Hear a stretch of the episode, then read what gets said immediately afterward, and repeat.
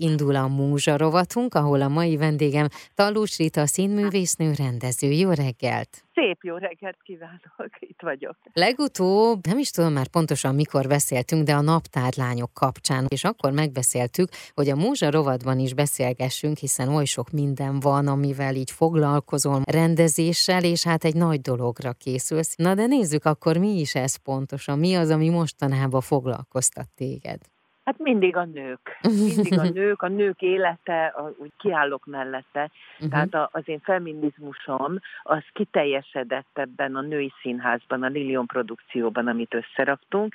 Két éve, természetesen a Covid, akkor jött a Covid, uh-huh. úgyhogy egy keserves, tényleg egy harcos két év van mögöttünk, de hát azért csak összeraktunk egy Anyatigrisek című amerikai, Motherhood című amerikai musical magyar változatát, uh-huh. csak összeraktunk egy kétszemélyes anyám az őrületbe kerget fél stand-up vígjátékot, és most pedig jön a harmadik bemutatónk a RAM színházban május 7-én.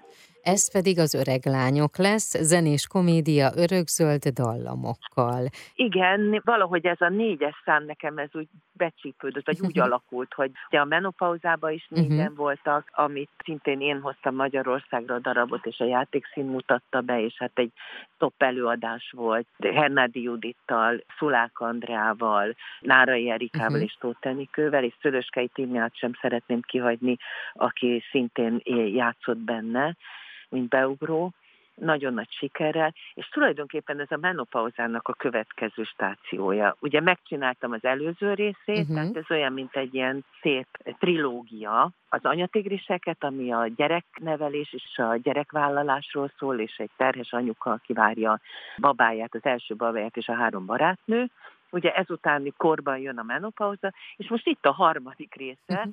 a 70 éves nőkről szól, öreg lányok címmel. Természetesen ez is zenés darab. Hol tartanak most a próba folyamatok? Most éppen a stúdióban vagyunk, Csik Csabával, aki az én ötletem alapján írta a darabot, és kitaláltunk egy csomó jó dolgot, ugyanis ez egy vadonatúj darab és ősbemutató az én ötleteim alapján.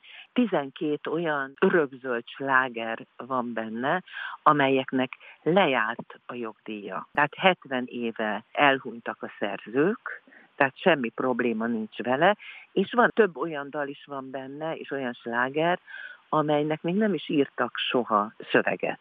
Uh, de jó. Például a Scott Joplinnek az entertainmentje, ami az életben nem volt szövege, és hát van, például van a Kármen benne, és mindegyik új szöveggel van, mindegyiknek Csik Csaba írta a szövegét, de uh-huh. lehet hallani a, ilyen az Omnibus tetején, vagy a Casablanca nagy számát. Nem akarok minden poént uh-huh. lelőni. Rendben. Tehát olyan dalok lesznek benne, remek szövegekkel, ami azt hiszem, hogy megnyeri majd megint a közönség szeretetét, és nagyon fogják élvezni, és jól fognak szórakozni. Ez lesz ugye május 7-én, de én megnéztem, hogy mik lesznek azok azok a darabok, ami előtte már láthatóak lesznek, és mondjuk hozzád kapcsolódik te rendezésedben. És azért láttam, hogy az Orfeumban több vacsora színházi előadás van, ami látható, illetve hát amit ugye te is említettél, az anyatigrisek is látható lesz majd a Ram Színházban áprilisban. Igen, a Ram Színházban fogjuk játszani, április 23-án fogjuk játszani, méghozzá két anyatigrisek lesz, nagy szeretettel várunk mindenkit. És az Orfeumban ugye én ott kezdtem el tulajdonképpen a rendezői pályámat, mert az Orfeum vezetője és tulajdonosa, Sziklai Ildikó szavazott nekem bizalmat, amit én soha nem felejtek el neki, és mondtam neki, hogy hát valamit rendeznék, beszélgettünk, hogy mit kéne, meg szeretne színházat, és tudom, hát én tulajdonképpen én rendeznék. Rendeztem akkor már a, a Spinozában rendeztem, uh-huh egy darabot, abban benne voltam, meg az a saját magam önálló estét, és az Édi rábólintott. És ez addig jutott, hogy nagyon nagy sikere volt az anyátkényának, utána lett egy apátfüle előadás, uh-huh fiúkkal, ami nem az én műfajom annyira, férfi színészekkel. Azt mondja a Karinti, hogy vannak férfi színésznők és női színésznők, tehát a férfi színésznőknek nőkkel nekem nehezebb egy kicsit, és utána jött az ágyban párban, uh-huh. amit Hevér Gáborral és Partinórával Három előadáson fut Vacsora Színházban, nagy sikerrel, hála Istennek mind a három rendezésem. Azért ennek a műfajnak is elmúlt a közönsége. Uh-huh. Ugye a háború után nem úgy alakultak. Még a 60-as években még talán voltak éjszakai bárok, de maga ez a vacsora színház, vagy ez az Orfeum, ez elhalt. És én nagyon örülök annak, hogy lett egy közönség, az szívesen vacsoráznak, és közben megnéznek egy darabot, ami nem zavarja a színészeket, mert a szünetben van a főétel, előtte van az előétel, az első felvonás előtt,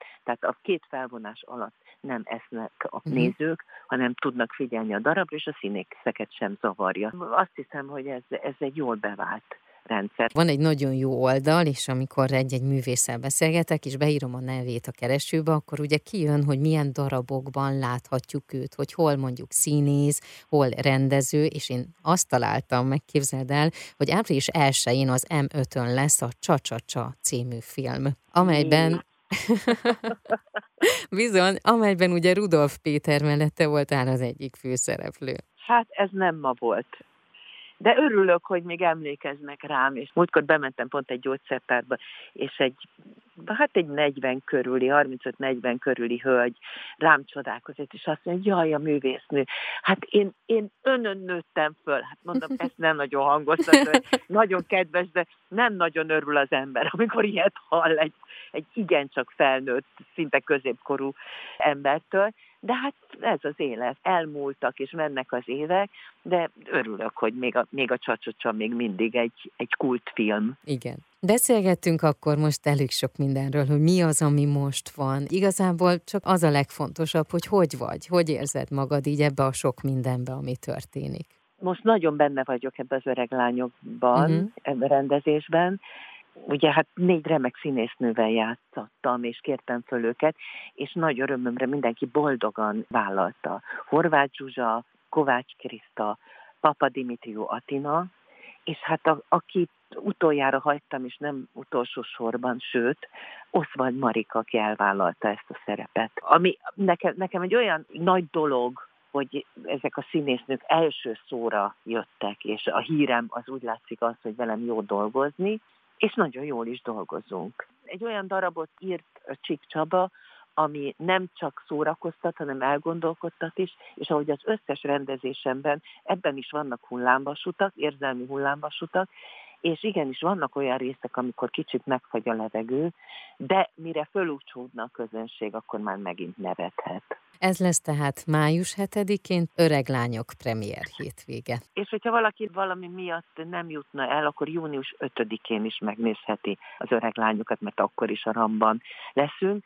És a RAM színház úgy tűnik, hogy helyet biztosított uh-huh. nekünk, örömmel látja a Lilion produkciót. Úgyhogy valószínűleg ott láthatnak minket, és láthatják ezeket az előadásokat a kedves nézők. Kívánom, hogy mindegyik előadás teltházas legyen, és hogy mindenki ilyen nagyon boldogan menjen el, és nagyon boldogan menjen utána haza az előadás végén. Köszönöm szépen. Nagyon szépen köszönöm én is. A Múzsarovat mai vendége Talós Rita színművésznő volt, rendező.